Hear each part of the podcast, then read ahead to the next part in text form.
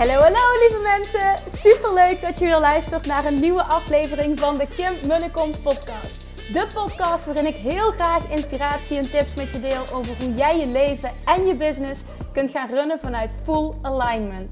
Meer voelen en minder denken, want that is where the magic happens.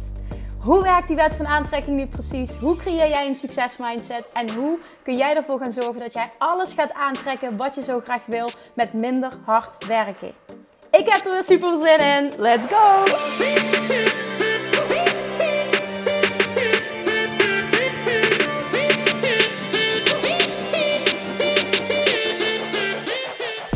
Yes, yes, yes. Vandaag zat er een lekker interview op de planning. En wel met Sharon van Lady Lawyer. Sharon heeft een bedrijf als um, ja, ondernemersjurist eigenlijk. Zij helpt ondernemers, online ondernemers, om de legal shit op orde te krijgen. Want hoe belangrijk is het dat jij je zooi op orde hebt? Ik ben ook iemand die dat allemaal helemaal niet leuk vindt. Ik heb zelf recht gestudeerd, maar dat is alweer een hele tijd geleden. En uiteindelijk besloten om er niks mee te doen. Dus uh, ik weet niks meer. Nou ja, is overdreven, maar ik weet niet voldoende. Dus ik heb hier ook hulp bij nodig. En Um, ik heb geleerd zelf na een half jaar als ondernemer gestart te zijn in 2011 al had iemand al een rechtszaak tegen me aangespannen. Dus ik weet ondertussen hoe belangrijk het is om je shit op orde te hebben. En vaak denken we, zo vaak loopt het toch niet, tot het een keer gebeurt. Dus vandaag vertelt Sharon waarom het zo belangrijk is, hoe je het allemaal een stuk makkelijker kan maken. En daarnaast vertelt ze ook over haar ondernemerschap, over haar pad en haar leven nu als digital nomad. Super interessant, super waardevol. Ik ben benieuwd wat jullie ervan vinden. Alright, let's go!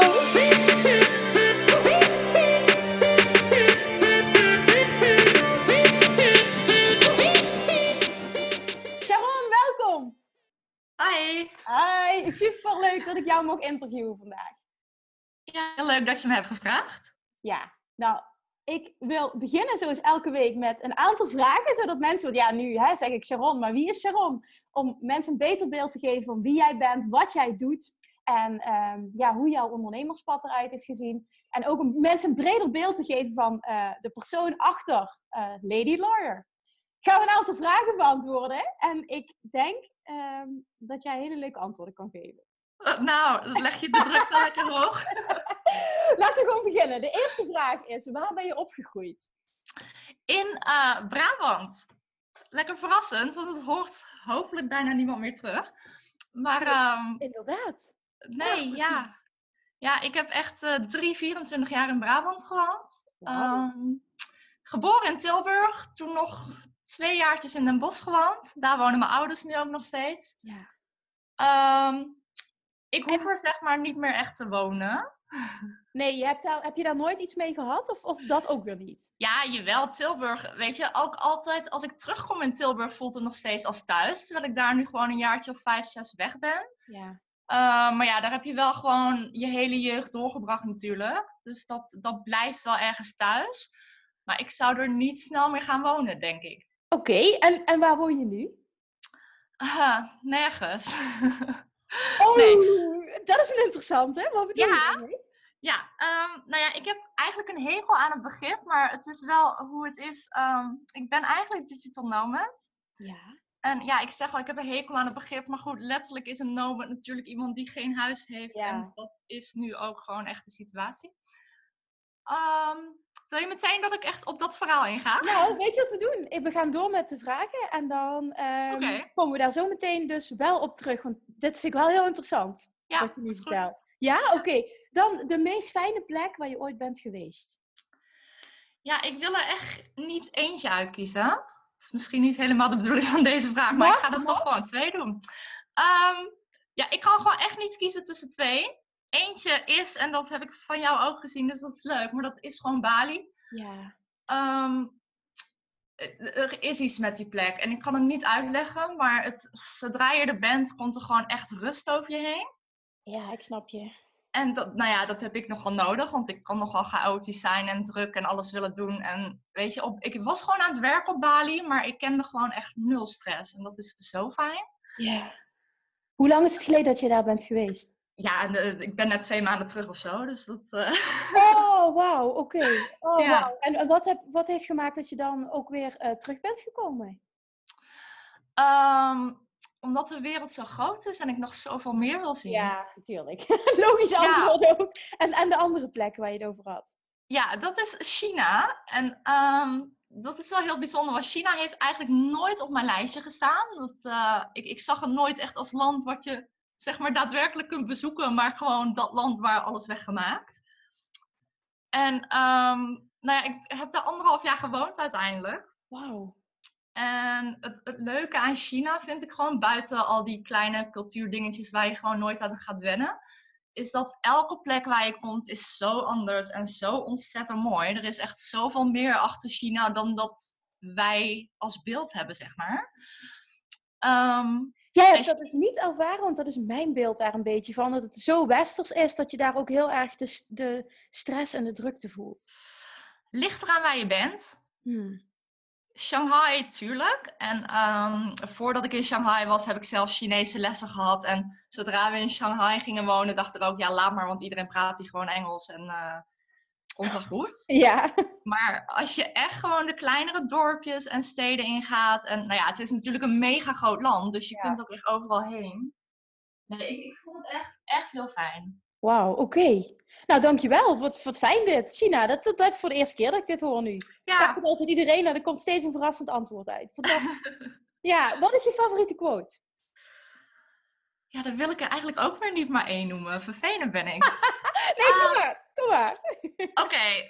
Wees sterk door je kwetsbaar op te stellen. Mhm. Die is van uh, Olcay Gulsen. Ja. Of tenminste, hij staat in haar boek, dus dan neem ik aan dat hij van haar is. Ja. Um, ik, ik vind dat iedereen altijd heel erg de positieve kant van alles benadrukt. Wat natuurlijk heel fijn is. Maar ik vind ook dat je juist heel veel mensen aan kunt spreken door je wel kwetsbaar op te stellen en ook gewoon de minder leuke kanten te delen. Dat het niet alleen maar echt helemaal geweldig is, want dat is het gewoon niet altijd. Ja. Um, dus dat vind ik zelf wel heel belangrijk. Dat je ook gewoon echt de, de minder leuke kanten deelt. En daarin moet je natuurlijk niet blijven hangen, maar het is wel gewoon fijn om dat ook te zien. Absoluut, ja. En um, de tweede is, je hoeft niet alles al te weten, alleen de volgende stap. Ja, die is mooi. Yes. um, dat merk je natuurlijk, nou, heeft ook een beetje met perfectionisme te maken. Daar heb ik ook echt heel hard aan moeten werken. Maar um, ik was altijd heel erg van het plannen en dat doe ik op zich nog steeds wel. Maar weet je, je hoeft niet gewoon heel je leven al uitgestippeld te hebben. Als je alleen maar gewoon weet wat je vandaag, morgen gaat doen. Ja, en dat past natuurlijk ook een beetje bij um, digital nomad zijn. Ja, en dat, daar heb ik echt heel erg aan moeten wennen. Want ik was echt een heel erge planner. En voordat ik überhaupt op vakantie ging, moest ik precies uitgestippeld hebben welke dag ik wat ging doen. En dat uh, oh. kan nu niet oh, meer. Ja. Nee, dat, ja. En merk je dat je dat ook ergens prettig vindt dat het nu anders is? Of, of ja, Nee, het is heerlijk. En af en toe heb ik nog steeds van, oké, ik moet wel een beetje richting in mijn leven hebben. Mhm. Maar dat is natuurlijk heel wat anders dan alles gewoon 100% uit te hebben gestippeld. Klopt, dat, dat zeg je perfect. Ja, dat klopt helemaal. Maar het is mooi dat jij dat ervaren hebt. Van, van eigenlijk wat je zegt, van toch wel een enorme controlfreak zijn naar leren loslaten en zien wat dat je brengt. Ja. Mooi. Ja. Oké, we gaan door. Wat is je superpower? Um, ja, die heeft dan denk ik wel weer vooral met werk te maken. Maar goed, werk is natuurlijk ook gewoon een heel groot onderdeel van, van wat ik doe. Mhm. Ehm, ik vind dat ik, tenminste dat mijn superpower is om, om het moeilijke wat makkelijker te maken. Dus uh, juridisch gezien om, oh. om begrijpelijke documenten op te stellen. Om alles in Jip en Janneke taal uit te leggen. Ehm, maar ja, dat kun je dus ook gewoon breder trekken naar iets wat heel moeilijk lijkt. Of misschien ook wel is. Gewoon net wat makkelijker uitleggen, duidelijk Ja, ja, ja. En ik denk dat heel veel mensen daar behoefte aan hebben. Dus het is fantastisch dat je dit doet. Ja, dat ehm, hoop ik uiteindelijk dat dat steeds meer gaat komen. Daar komen we zo meteen op. Ja. Wat is een van je meest favoriete boeken? ja, dan kom ik eerst even, denk ik, ja, inderdaad met een niet zo populair antwoord, want ik lees dus helemaal niet zoveel. Oké, gewoon omdat je het niet ehm, leuk vindt om te doen? Nou, het, het, heeft meerdere redenen, denk ik. Ik heb natuurlijk rechten gestudeerd en dan lees je gewoon vier, vijf jaar lang heel veel. En uh, niet voor je plezier, maar goed, dat, dat doe je dan. Dus na mijn studie heb ik echt een hele tijd gewoon geen één boek aangeraakt, want ik was dus er klaar mee. Snap ik. En op het begin van mijn ondernemerschap ben ik juist heel veel gaan lezen, omdat je dat gewoon overal op Instagram en Facebook ziet. En iedereen heeft dan een mening over een boek of iets wat in een boek is vermeld en dan wil je dat ook lezen. En na heel dat lezen kwam ik erachter van ja, maar uiteindelijk heeft nog steeds iedereen een andere mening. En dan kan ik misschien beter mijn tijd gewoon richten op mezelf en mijn bedrijf ontwikkelen in plaats van iedereen's mening maar een beetje overnemen. Ja, kan ik, kan ik inkomen. Kan ik inkomen als je dat zo ervaart. Ja, absoluut. Heb je nooit eens iets, uh, want zo ervaar ik dan boeken, uh, dat ik uh, misschien ja, meningen, bepaalde inzichten krijg van hoe andere dingen aanpakken. En dat ik dan kijk, wat, hoe voelt dat voor mij? Kan ik daar iets mee? Leer ik daar iets van? Wil ik dat zelf? Zo pak ik dat meer op. Ja, er is wel een boek wat wel altijd blijft hangen. En dat is ehm, The Subtle Art of Not Giving a Fuck. Ja, yes. Oh, yes. Mark Manson is dat, hè?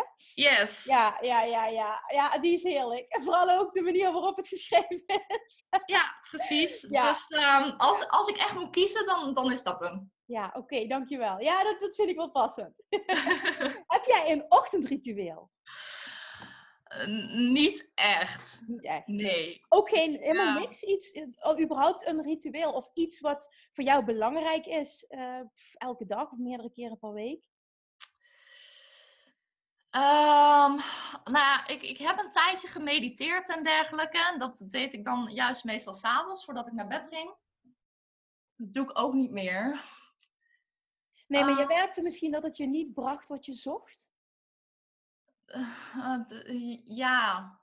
En nu weet ik dat ik dat het een kwestie is van doorzetten. Dus misschien had ik er nog even niet mee moeten stoppen.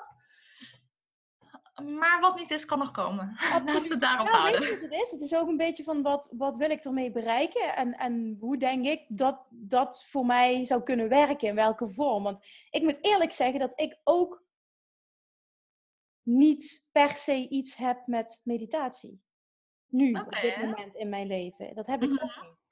Uh, dus ik snap wel wat je bedoelt. Maar ik merk ook dat uh, bepaalde dingen die voor mij belangrijk zijn, dat ik die niet per definitie bereik met meditatie. Dat dat niet per se nodig is om je goed te voelen. Of snap je wat ik bedoel? Ja. Veel mensen denken ja. dat dat de only way to go is, maar daar geloof ik dus niet zo sterk in.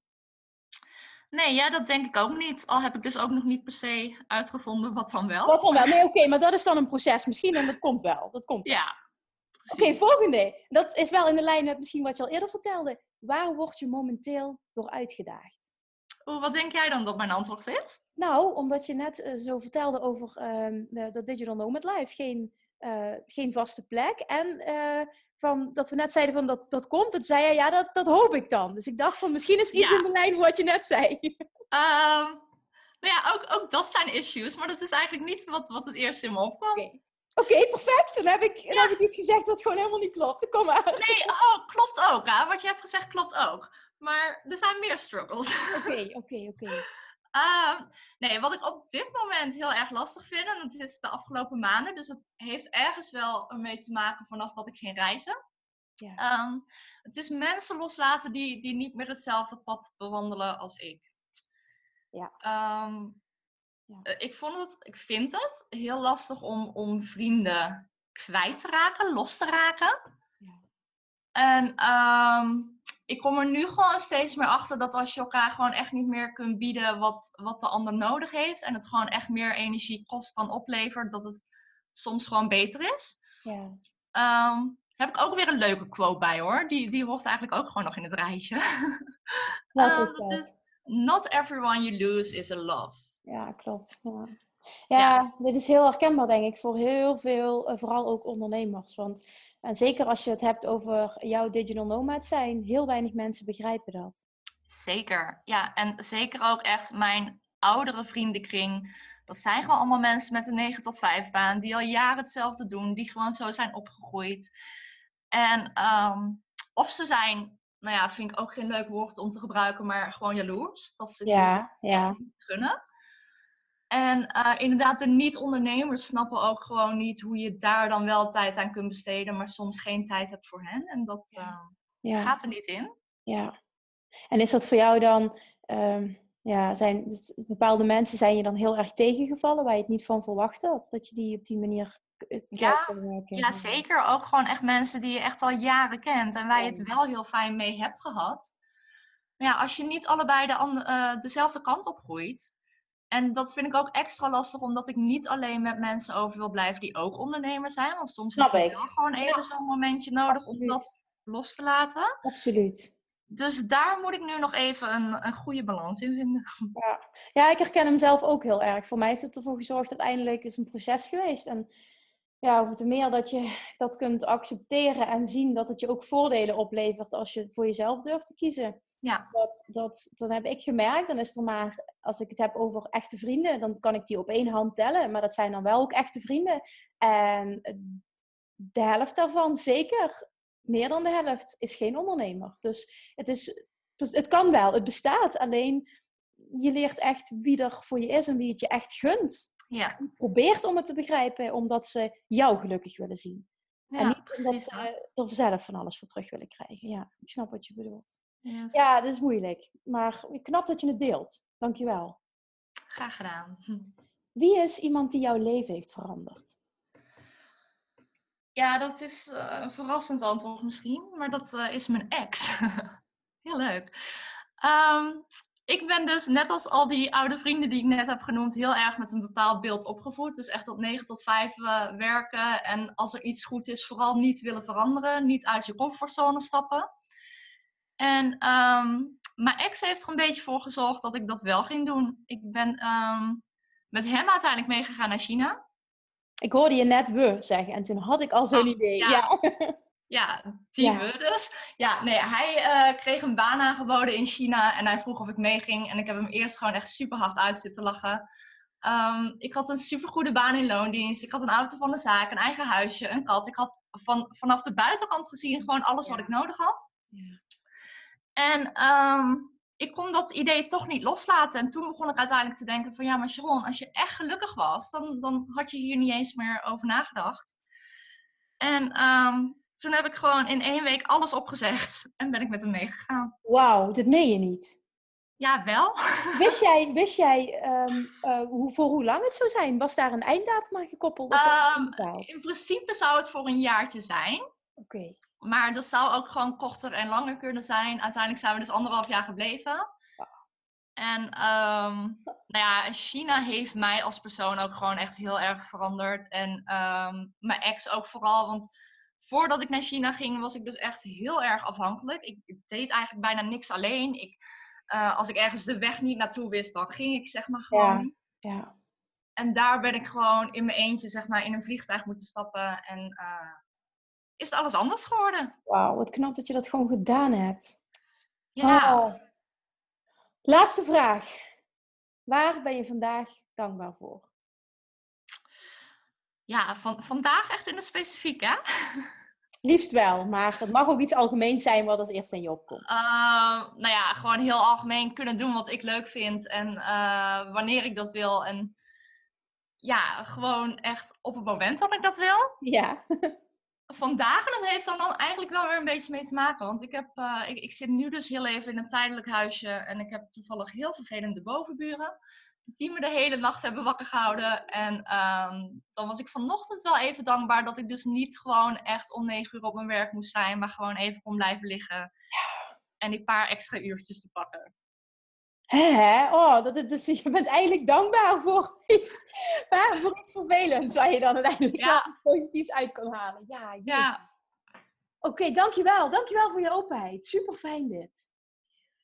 Ik, ehm, ja, ik weet niet in hoeverre dat je erop in wil gaan. Jij mag daarin je grens aangeven, maar zou je willen vertellen van wie jij bent, wat je doet, eh, vanuit jouw bewoordingen en, en ook hoe jouw weg er tot nu toe heeft uitgezien? Want volgens mij wordt dit een interessant verhaal.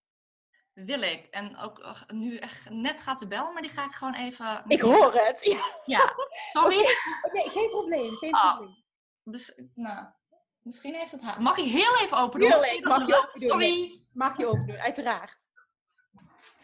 Ja, sorry. Geen probleem, helemaal niet erg. Kunnen we wel uitknippen, geen probleem.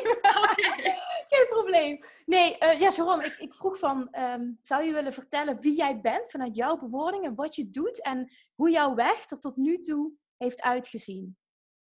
Ja, Ik, uh, nou, ik ben Sharon. Goh, ja, ik ben 28. Mhm. Ehm, ik ben nu denk ik ruim, ja, vijf jaar geleden ben ik afgestudeerd, rechtsgeleerdheid in Tilburg dus. Ehm, waar ik dus ook heel mijn studie gewoon heb gewoon lekker veilig thuis, want het was dichtbij en waarom zou ik dan het huis uitgaan? Ja. Ehm, in het laatste jaar van mijn studie gingen mijn ouders verhuizen naar Den Bosch. En ehm, nou, dat zag ik eigenlijk helemaal niet zo zitten. Toen wilde ik eigenlijk ook al lang het huis uit, maar ik was nog steeds bezig met die studie. En ik wilde altijd heel graag naar uh, boven de rivieren. En dan vooral Amsterdam. Dat was echt mijn lievelingsstad. Maar ja, ik ging natuurlijk niet in het laatste jaar van mijn studie dan zelf vast even in Amsterdam wonen. En dan steeds op en neer naar Brabant toe om, om dat laatste jaartje maar af te maken. Dus toen, um, ik ben meegegaan naar, naar Den Bosch. Um, ben ik achteraf gezien ook niet heel erg blij mee. Met Den Bosch heb ik echt gewoon echt helemaal niks. Maar goed, daar heb ik uiteindelijk wel gewoon mijn studie af kunnen maken. Um, toen kreeg ik mijn eerste baan in loondienst. En dat was dus wel echt boven de rivieren. Dat was um, in Leusden, bij Amersfoort is dat. Mm -hmm. Dus dat was dan eindelijk mijn kans om gewoon echt even Brabant uit te gaan. Wat voor functie kreeg jij toen? Ik um, begon, het is heel raar, ik begon als opleider um, in verzekeringszaken. Oké, okay. ja, oké. Okay. Dus het eigenlijk totaal niet um, nou ja, waar ik zin in had. Maar het was op dat moment ook echt heel lastig om aan een baan te komen. En um, nou ja, ik had toch geld nodig om rekeningen te betalen. Ja, snap ik. Dus ging ik dat doen. Um, dat was echt maar heel kort. En daarna kreeg ik uiteindelijk vanuit diezelfde organisatie een, een juridische baan. Dus uiteindelijk heeft me dat wel gewoon opgeleverd wat ik wilde. Ja.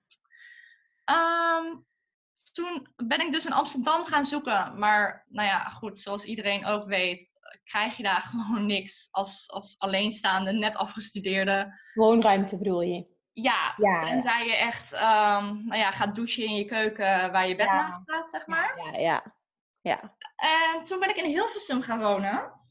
Wat natuurlijk ook wel gewoon prima een afstandje was van mijn werk. En dat was dan ook nog uh, precies tussen mijn werk en Amsterdam in. Dus dat vond ik eigenlijk wel prima.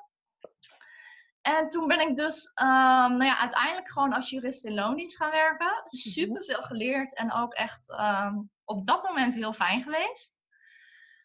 Um, Dat was die baan die jij had, die je hebt opgezegd toen je naar China vertrok? ja, Oké.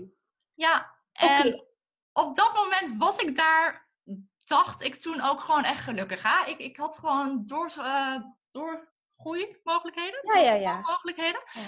En nou ja, auto van de zaak en zo. Dus ik zat gewoon lekker in dat huisje. Dus dat ging eigenlijk allemaal prima. Ik heb toen ook echt nooit de behoefte gehad eigenlijk om voor mezelf te beginnen. En uh, nou ja, toen de China. En alles is opgezegd. En echt de week dat, dat wij terug naar Nederland gingen, heb ik op Facebook gezegd van... Hé, hey, uh, mocht je nog een baan of een huisje hebben, laat het me weten. Want ik kwam gewoon echt letterlijk naar niks terug. En echt... En, oh, eh, jouw vriend dan? ja, die ook. Oké. Dus de bedoeling was dat we dan maar weer bij onze ouders gingen wonen en op zoek naar een baan gingen. Oh, ja, ja oké. Ja.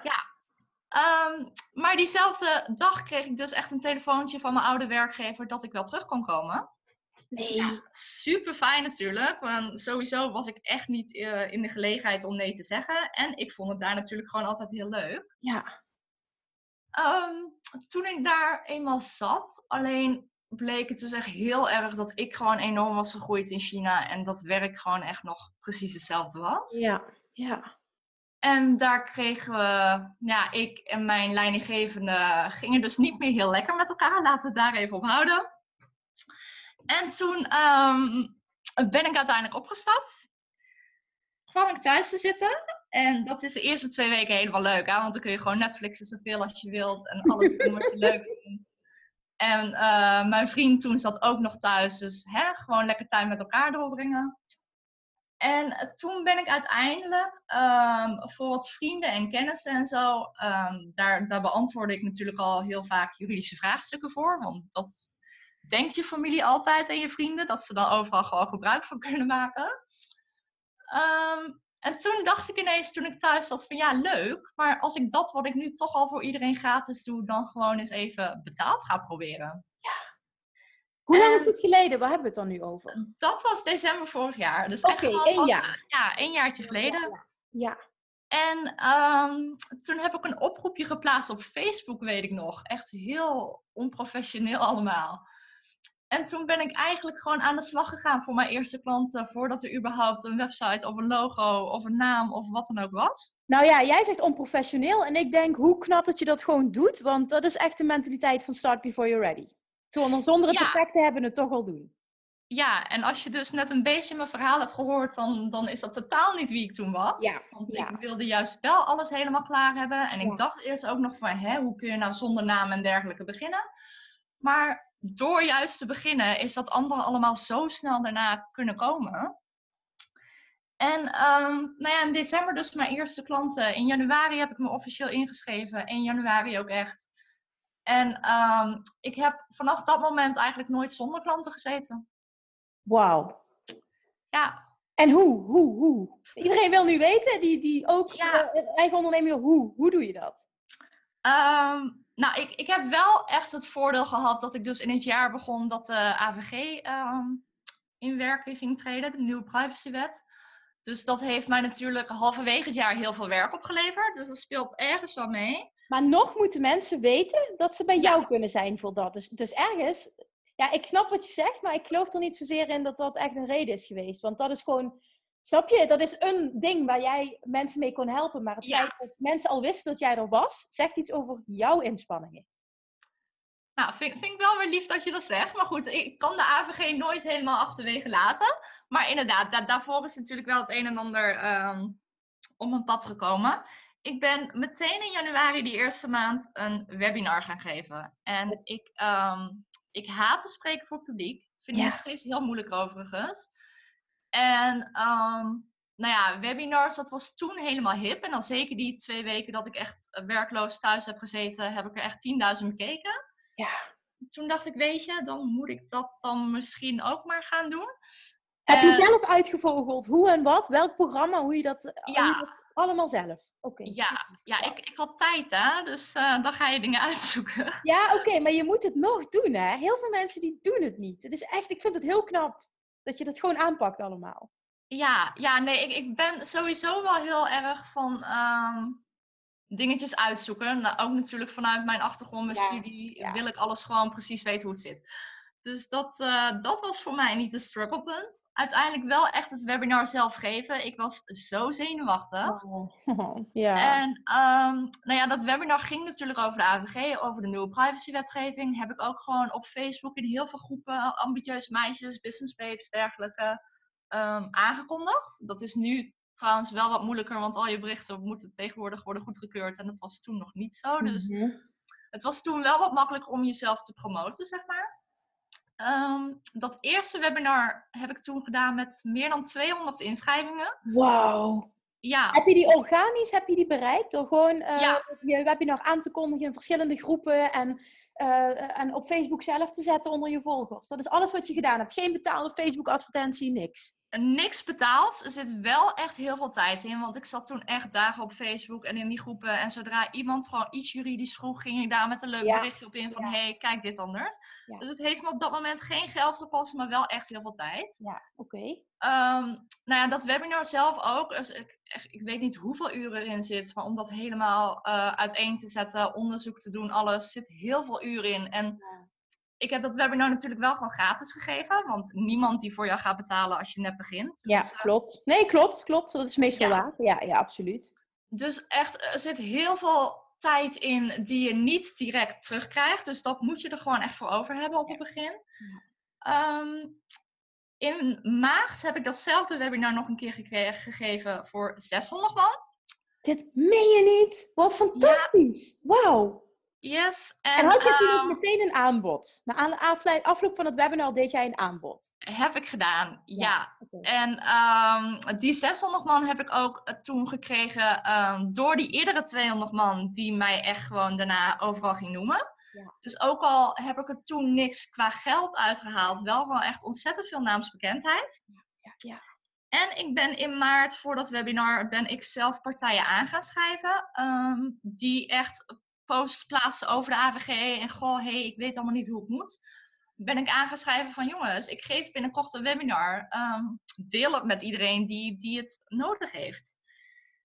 Dus uiteindelijk 600 man. Ehm, toen inderdaad ook echt een aanbieding gedaan. En ik weet ook nog dat ik daar heel veel reacties op heb gehad. Dat ik een van de weinige mensen was die echt 40 minuten lang informatie gaf en slechts mm 5 minuten nam om een aanbieding te doen. Ja, ja. Mensen vinden dat heel prettig als je niet uh, continu zit te verkopen. Precies. en dat is, ook echt nergens voor nodig. Um, dat is denk ik ook wel echt een van mijn wijze lessen. Ben gewoon niet bang om, om gratis kennis weg te geven. Ja, hele goede tip. Yes. En um, nou ja, uit die 600 man heb ik natuurlijk ook gewoon heel veel nieuwe klanten gehaald. Dus uh, dat webinar was op dat gebied gewoon echt een heel groot succes. En serieus, tot de dag op vandaag raden die mensen mij nog steeds aan aan hun vrienden en collega-ondernemers. Dus, um, Betekent dat dat jij nu met regelmaat nog steeds webinars geeft of doe je dat nu wat minder? Nee, erg Ik heb na maart heb ik geen webinar meer gegeven. En dat was toen eigenlijk vooral omdat ik het zo druk kreeg met echt voor klanten werken. Ja. Dat ik dacht van ja, ik heb gewoon heel even geen tijd meer om aan marketing en promotie en dat soort dingen te doen. Aan de ene kant positief, want dat betekent dat je dus veel klanten had. Ja, ja, en aan de andere kant heel gevaarlijk dat je dan dus denkt dat dat wel zo blijft. Klopt, absoluut. Ja, want je zult moeten blijven promoten. Tenminste, met mijn ervaring in de online wereld ja. kom je er niet mee weg op het moment dat je een hele lange tijd stopt en dan verwacht dat alles door. Zeker. Um, nou ja, ik, ik, ben trouwens niet helemaal gestopt. Dat is een beetje nuance. Ik heb uh, een Facebookpagina vanaf het begin en Instagram. En daar deel ik elke week een, een, juridische stelling op. Dus dan kunnen mensen hun mening geven of iets wat ik zeg waar of niet waar is. En daar krijgen ze dan diezelfde week ook gewoon een hele uitleg bij. Ja. Dus ik ben altijd wel gewoon kennis weg blijven geven. Ja, ik vind jou, uh, jouw Instagram is echt ontzettend leuk. Zo heb ik jou ook leren kennen. Heel erg leuk en, en ook uh, leerzaam. Dus dat is. Dank je. Ja ja, dat, dat wil ik ook gewoon doen. Ik vind, het echt, ik vind het echt heel belangrijk dat je gewoon kennis deelt. En natuurlijk moet je dat op zo'n manier doen dat ze daarna nog steeds diensten bij je af willen nemen. Maar ja, dat is ook gewoon even een balans vinden. Ja, absoluut. Maar webinars heb ik dus eigenlijk sindsdien niet meer gegeven. En ik ben nu echt net deze maand begonnen met workshops geven. Dus het was weer even een stapje verder van de online wereld tegen je cameraatje praten naar echt tegen een groep mensen praten. Ja, dat doe je dus live. Workshops doe je echt face-to-face. Ja, nou ja, ik, ik heb dus echt vorige week mijn eerste gegeven. Leuk. Ook echt dankzij social media eigenlijk. Want ik heb toen gewoon een keer een post geplaatst van... hey, in 2019 wil ik meer aan het spreken gaan werken.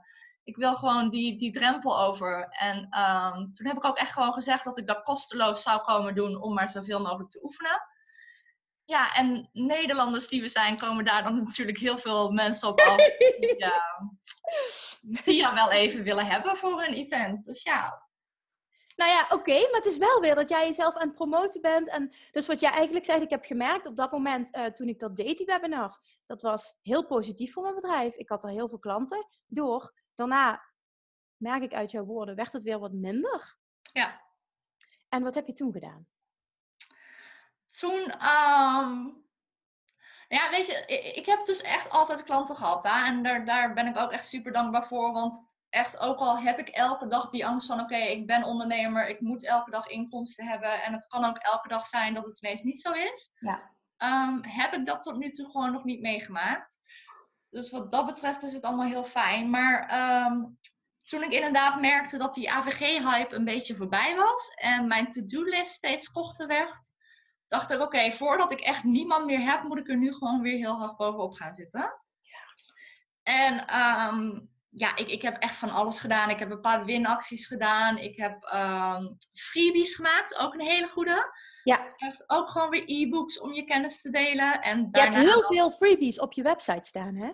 Ja, heb ik. Heel veel gratis downloads staan op jouw website. Ja, heb ik gezien. Heel waar. Nou, heel veel valt ook wel mee, maar ik heb er inderdaad wel een nou, paar ik, nou ja, goed. Ik, ik, ik, nou ja, ik ervaar dat als ik naar uh, gratis downloads ga op jouw website. Website is trouwens www.ladylawyer.nl.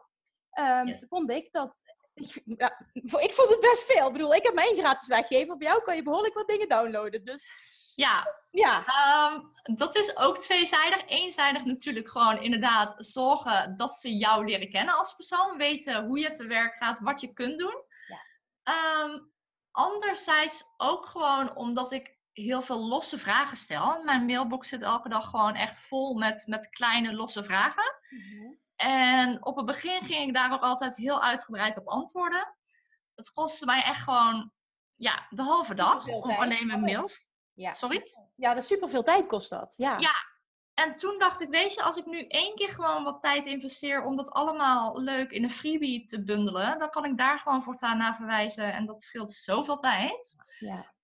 Dus het is ook nog heel praktisch voor jezelf. Ja, absoluut. Nou, dat. Plus, uh, het is natuurlijk ook iets wat nu voor jou uh, met SEO, dat, dat uh, op het moment dat erop gegoogeld wordt, dat mensen op jouw website terechtkomen. Ja. Help. Dus, dus, dus heb je voor jezelf goed gedaan, inderdaad, qua tijdsbesparing, maar ook qua vindbaarheid, denk ik. Ja, zeker. En toen ben je er weer bovenop gaan zitten. En dat betekende dus dat je, ging je dan richten op een bepaald ander iets, een, bepaalde, ja, Ehm, nou ja, ik ben eigenlijk altijd gewoon blijven doen wat ik deed. Ehm, ja, ook vooral die kennis delen dus op die social media kanalen. Ja, ja. Ja, en anders, nou ja, in plaats van webinars ben ik dus naar freebies gegaan. Maar um, ik sluit het ook zeker niet uit dat er nog een keer een webinar aankomt. En ik denk dat je gewoon een beetje aan moet voelen wat jouw doelgroep op dat moment nodig heeft. Absoluut, dat. En ook een beetje waar je jezelf uh, lekker bij voelt. En waar jij voelt van, dit is mijn zone of genius. Hè? Ik ben goed in het, uh, in het geven van webinars. Ik ben juist heel goed in uh, kleinere groepen of live spreken. Of, hè, het is maar net waar jij je prettig bij voelt. Ja, zeker. Nou ja, en prettig voelen is één. En dan toch andere dingen uitproberen is Ja, dat is waar. Absoluut. Nee, dat, dat ben ik echt met je eens. Ik ben ook wel iemand die echt fan is vanuit je comfortzone gaan. Omdat ik ja, uit ervaring weet wat je ermee kan bereiken. Maar dingen kunnen echt prettig gaan voelen nadat je dus uit je comfortzone bent gegaan. Ja, zeker. Dat is wel echt waar. Ik had echt nooit verwacht dat ik überhaupt een webinar zou geven. Dus dat ik nu echt live voor een groep sta, dat, uh, dat is echt een big deal geweest. Dus Hoe heb je dat ervaren, die workshop? Was dat fijn? Uh, achteraf ja. en, en ik wil het echt, echt heel veel meer gaan doen. Het was ja. super leuk. En ik heb natuurlijk echt heel veel fijne reacties gehad. Ja die ook heel erg meehelpen. Wil ik ook nog wel als tip geven. Als je dan iets engs doet, vraag daarna altijd om feedback. Ja. Want uh, hoor je dat je het goed hebt gedaan, dan, dan is dat meteen weer echt zo'n boost om, om door te gaan. Um, maar echt vooraf wou je me echt niet zien hoor. En ik was de tweede in een rijtje workshops die avond. Dus de eerste heb ik ook gewoon bijgewoond. En die deed het gewoon helemaal fantastisch natuurlijk. Nou echt, ik, ik wou uiteindelijk gewoon die deur uitlopen en zeggen... Sorry jongens, ik ga het niet je hebt het toch gedaan? Ik heb het toch gedaan en het was achteraf gewoon heel leuk natuurlijk. Oh, wat dus, super. Uh, ja. Wat super knap. En als we dan even teruggaan op dat je zegt, ik heb nu geen huis. Ja. Is dat bewust? Nee, totaal niet. En daar heb ik heel hard aan moeten wennen. Um, afgelopen zomer is die relatie waar ik het net de hele tijd over had uh, beëindigd. Ja. We woonden toen inmiddels samen. En um, nou ja, dat was in een huis in zijn dorp waar hij is opgegroeid. Hij heel zijn familie en zijn vrienden heeft wonen. Dus het was ook super logisch dat hij gewoon in dat huis bleef en ik niet. Mm-hmm. Um, het voordeel was dus dat het in de zomer gebeurde en ik een vriendinnetje had dat heel de zomer naar Amerika ging. Dus ik kon lekker even in haar huisje zitten twee maanden lang.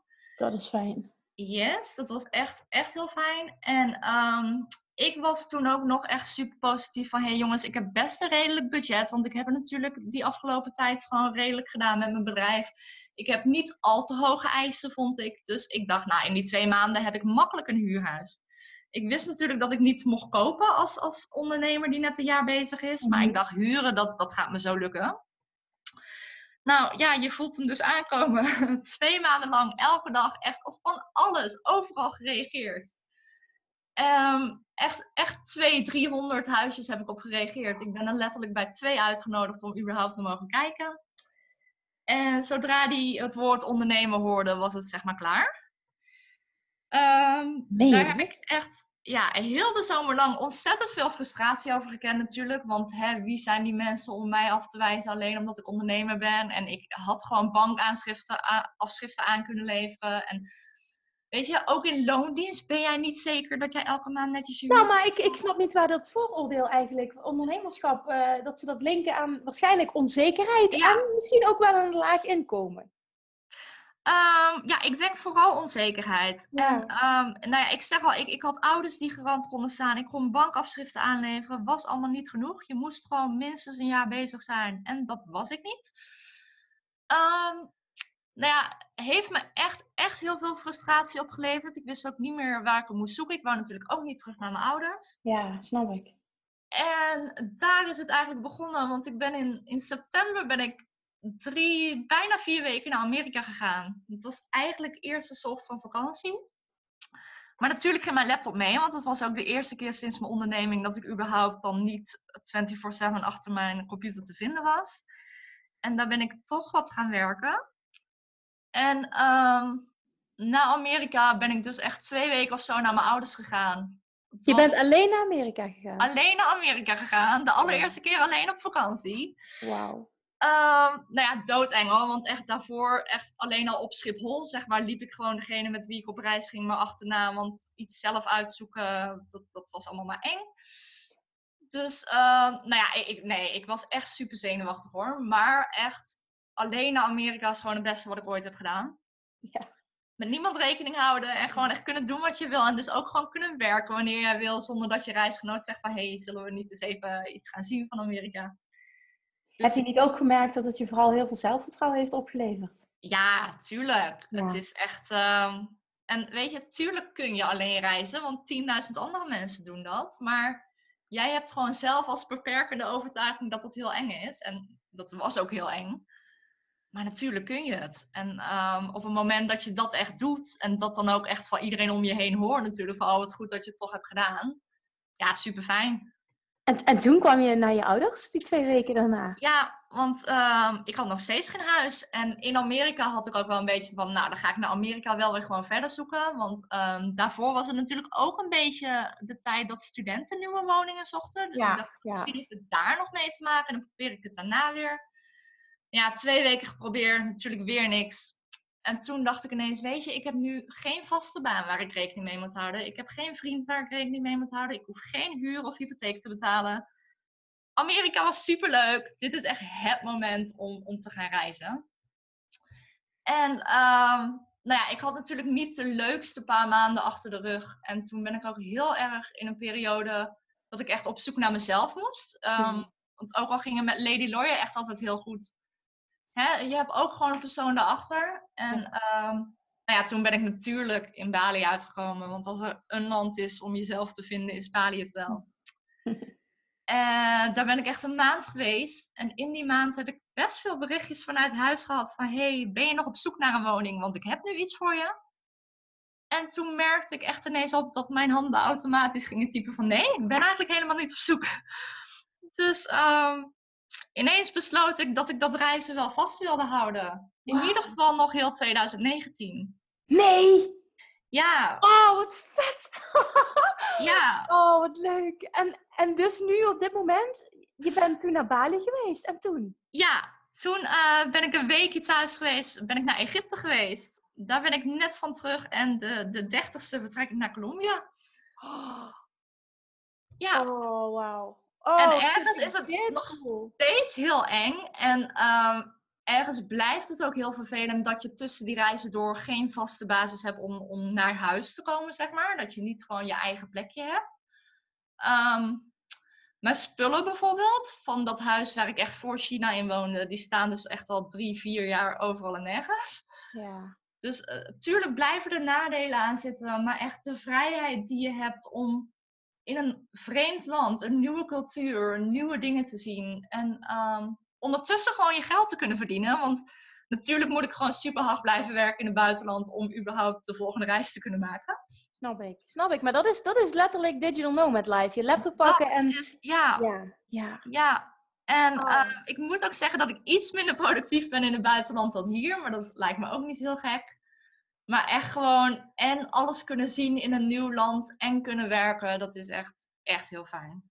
Wat ik had toen ik in Bali zat, um, ben ik ook uh, dik twee maanden geweest vorig jaar, is dat ik juist in minder uren meer gefocust was, omdat ik zoveel innerlijke rust ervaarde. Dat was ja. mijn ervaring toen. Dat ik ging elke dag van 10 tot 2 of van 9 tot 2 ging ik werken bij een koffietentje. En, en daarna had ik dan de tijd voor mezelf en had ik s'avonds nog wat coachgesprekken. Maar ik, ik merkte dat ik in minder tijd meer gedaan kreeg, puur omdat ik lekkerder in mijn vel zat. Ja, nou ja, zoals ik net ook al zei, ik kende echt echt nul stress op Bali. Dus dan, dan werk je ook gewoon efficiënter. Ja, klopt. Ehm, wat ik daar ook heel fijn vond, was wel het tijdsverschil. Wat je van sommige mensen juist hoort. Ja. Is. Maar ik kon voor het eerst gewoon s ochtends werken zonder dat ik steeds maar nieuwe mailtjes in mijn inbox kreeg. En dat was ook zo fijn. Dat heb ik ook ervaren, want meestal vanaf een uur of drie, vier s middags had jij dan in Bali, hè?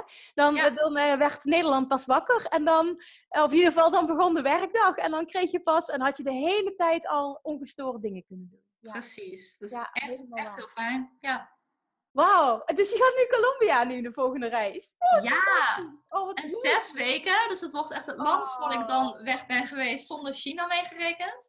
Wauw. Dus um, ja, ik ben heel benieuwd. En heb je nog plannen qua reizen daarna? Of is het echt to go with the flow? Ik zie het wel op dat moment. Um, ik, ik heb een lijstje wat ik heel graag wil zien. Maar ik heb nog niet precies hoe, wat, waar, wanneer. Okay. Na Colombia heb ik wel Curaçao al geboekt.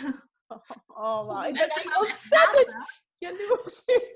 Op een positieve manier. Ik vind het zo tof. Ja. Oh, super. Nee, ja, en, en dat is dus echt heel erg tweezijdig. De ene kant gaat echt zeggen, oh, wat super fijn en ik gun het je en alles. En de ander ziet alleen maar dit grijze Nederland en denkt, god jeetje, wat, wat vervelend dat jij dat allemaal wel kunt, zeg maar. Ja. Maar ehm, dat zegt iets over de personen die oordelen. zeker, zeker. Ja, en voor maart, in maart, ben ik jarig. En dan wil ik heel graag even terug naar Shanghai. Omdat ik China toch wel stiekem best mis. Dus uh, dat. En verder gaan we het allemaal zien waar we terechtkomen. Wauw, wat ben jij een voorbeeld van, van transformatie. Van controle loslaten naar ultieme vrijheid. Als ik dit zo hoor. Ja, en die control freak zit nog steeds in me hoor. En ik denk ook echt als jurist dat je dat nooit helemaal los mag laten ook. Ik kan me wel voorstellen wat je zegt. Ja, klopt. Ja, ik, ik snap het. Maar het is wel zo dat, het, dat jij je leven zelf waarschijnlijk makkelijker hebt gemaakt door hoe je nu leeft. Ja, zeker. En dat is ergens dus allemaal in China begonnen. Als je eenmaal de wereld hebt gezien, denk ik, dan uh, wil je niet anders meer. Ja, als je hebt ervaren hoe het ook kan zijn, dan Zeker. kun je bijna niet meer terug. En even terug naar um, jouw bedrijf. Wat, wat is nou echt een ideale klant voor jou? Ja, dat is misschien heel stom omschreven, maar wat voor soort mensen kun jij heel erg goed helpen? Ja, ik ben uh, ook die vervelende ondernemer die niet echt een heel duidelijke niche heeft. In principe kan ik elke ondernemer helpen. Wat zijn bijvoorbeeld dingen die jij aanbiedt? Um, ik, ik stel gewoon echt heel algemeen juridische documenten voor ondernemers op.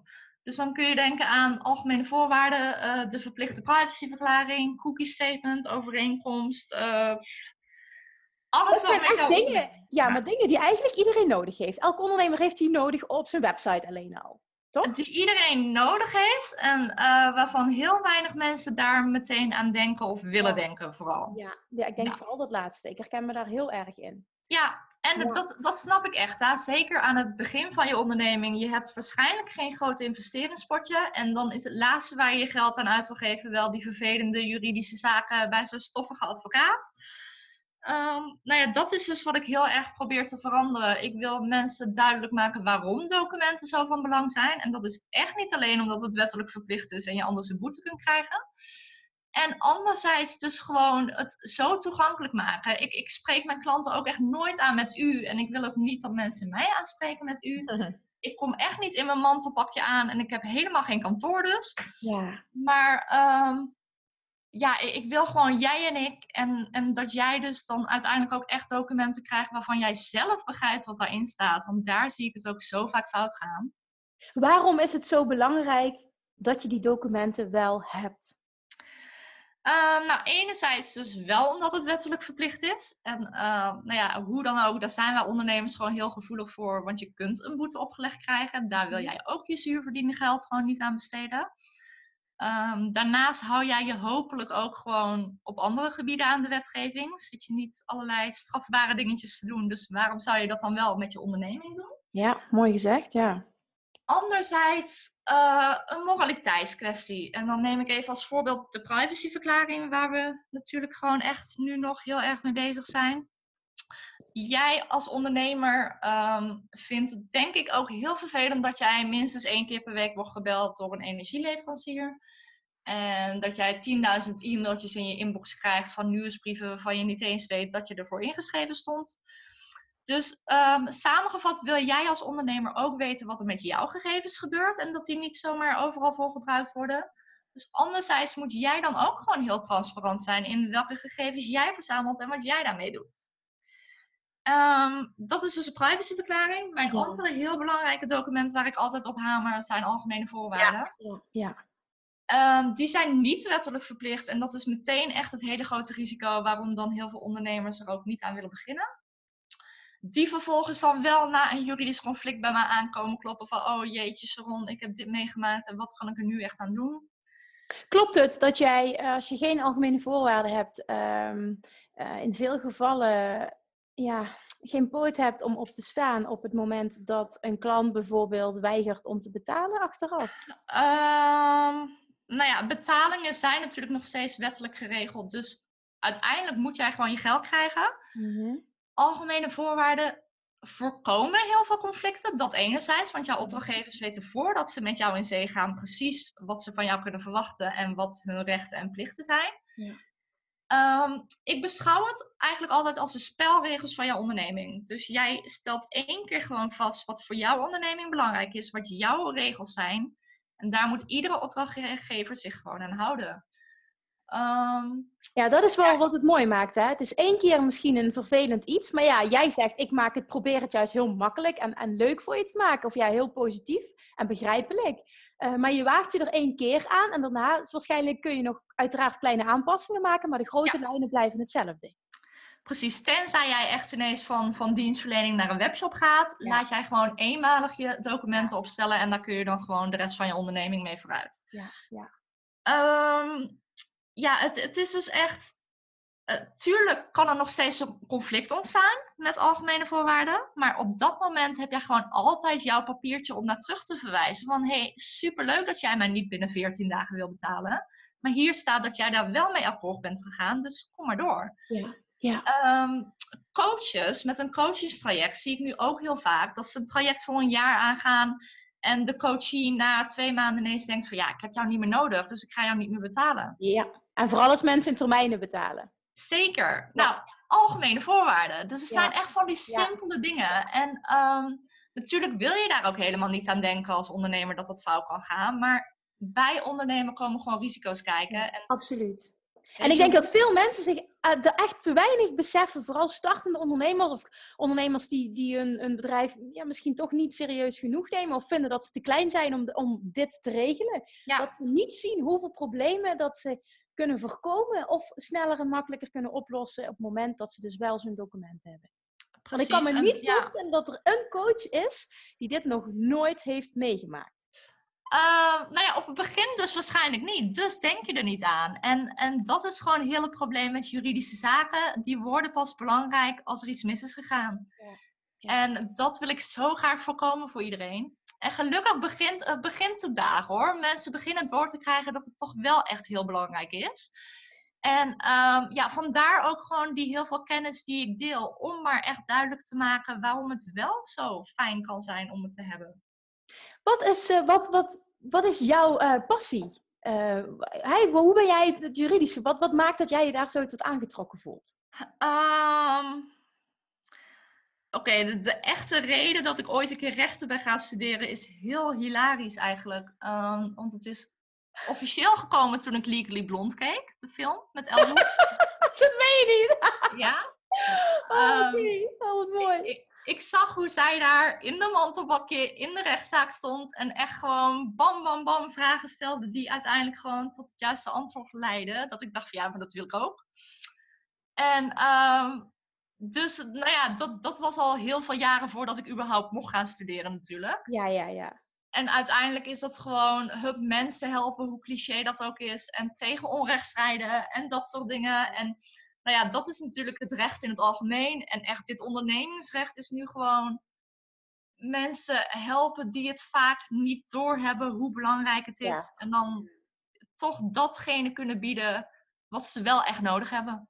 Nou, het is fantastisch dat jij je dus toespitst uh, op dat stukje uh, ondernemers. Je bent zelf ondernemer. Hè? Je weet donders goed hoe iemand zich voelt, waar die mee te maken krijgt. Uh, daarnaast heb jij natuurlijk al die, die kennis. En ik, ja, ik spreek uit ervaring. Ik was een half jaar zelfstandige. Dat is nu ja, meer dan zeven jaar geleden. En toen heeft, heeft iemand een rechtszaak tegen mij aangespannen. dus ik was meteen, hoppakee. Ik dacht, oké, cool, dit is dus ondernemen. Ja, dat was verschrikkelijk. dat was echt verschrikkelijk. En dan realiseer je je dus uh, wat er echt kan gebeuren. Want ik ben ook vrij naïef en ik denk altijd wel, hè, dat komt wel goed. Maar uh, het komt niet altijd goed. En um, als een ander uh, zich bedreigd voelt door jou, of uh, je wil zijn afspraken niet meer nakomen, of het komt die persoon beter uit dat er een andere keuze gemaakt wordt, dan doen ze dat. En het is prima om, denk ik, goed geloof, heel positief te zijn en het goede ja. mens te zien, maar het is aan de andere kant ook heel goed om je zaakjes goed geregeld te hebben. Zeker. Ik, ik denk ook dat dat twee losstaande dingen zijn. Vertrouwen hebben in de mensheid en vertrouwen hebben in jouw opdrachtgevers. Ja, klopt. Ja. Mooi dat je dat zegt. Mooi dat je dat zegt. Sharon, is er iets uh, wat wij nog niet besproken hebben dat jij wel heel graag had willen vertellen? Over jezelf, over je werk? Wat heb ik jou niet eh, gevraagd? Ja, ik denk dat ik de meeste lessen wel heb meegegeven. Um, ja, e-, echt in, in één zinnetje, ga het gewoon doen. Alles, wat dan ook, wat je wil, ga doen. En dan heb je het over echt volg je dromen. Wil je die onderneming starten? Wil je als digital nomad uh, gaan reizen? Hè? Dat allemaal. Uh, dat allemaal en laat je juridische document opstaan. Ja, dat wou ik net zeggen. En vervolgens zorg dat je je shit op orde hebt. Ja, precies. ja, ja, absoluut. Absoluut. En op het moment dat mensen nu denken, verdomme, zij heeft gelijk, ze heeft een punt, ik moet daar werk van maken. Waar kunnen mensen dan meer informatie vinden?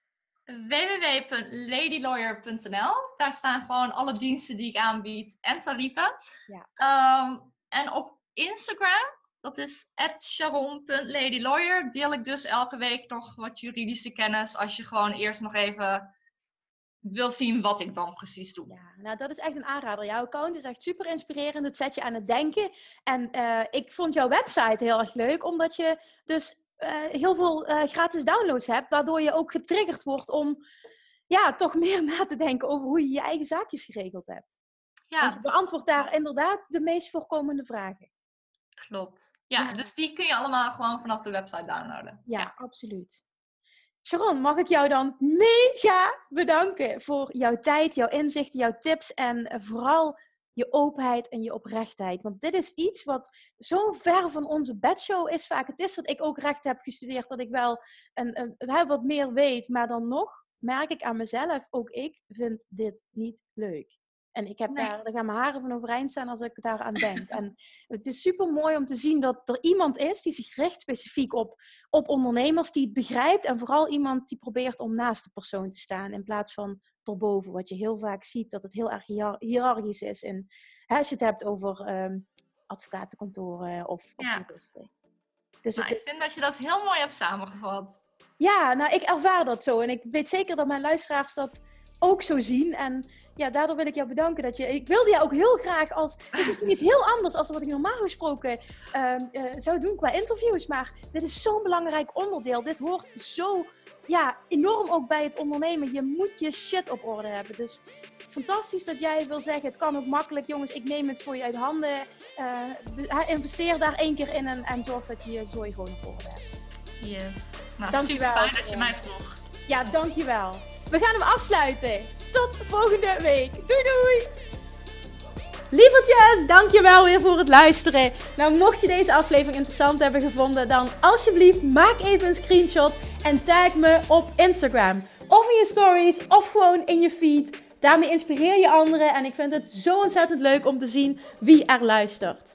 En nog één dingetje. Voor alle gratis content die ik aanbied, zou je alsjeblieft één dingetje terug willen doen. En dat is, ga naar iTunes, zoek de podcast op, scroll even naar beneden en laat een korte review achter.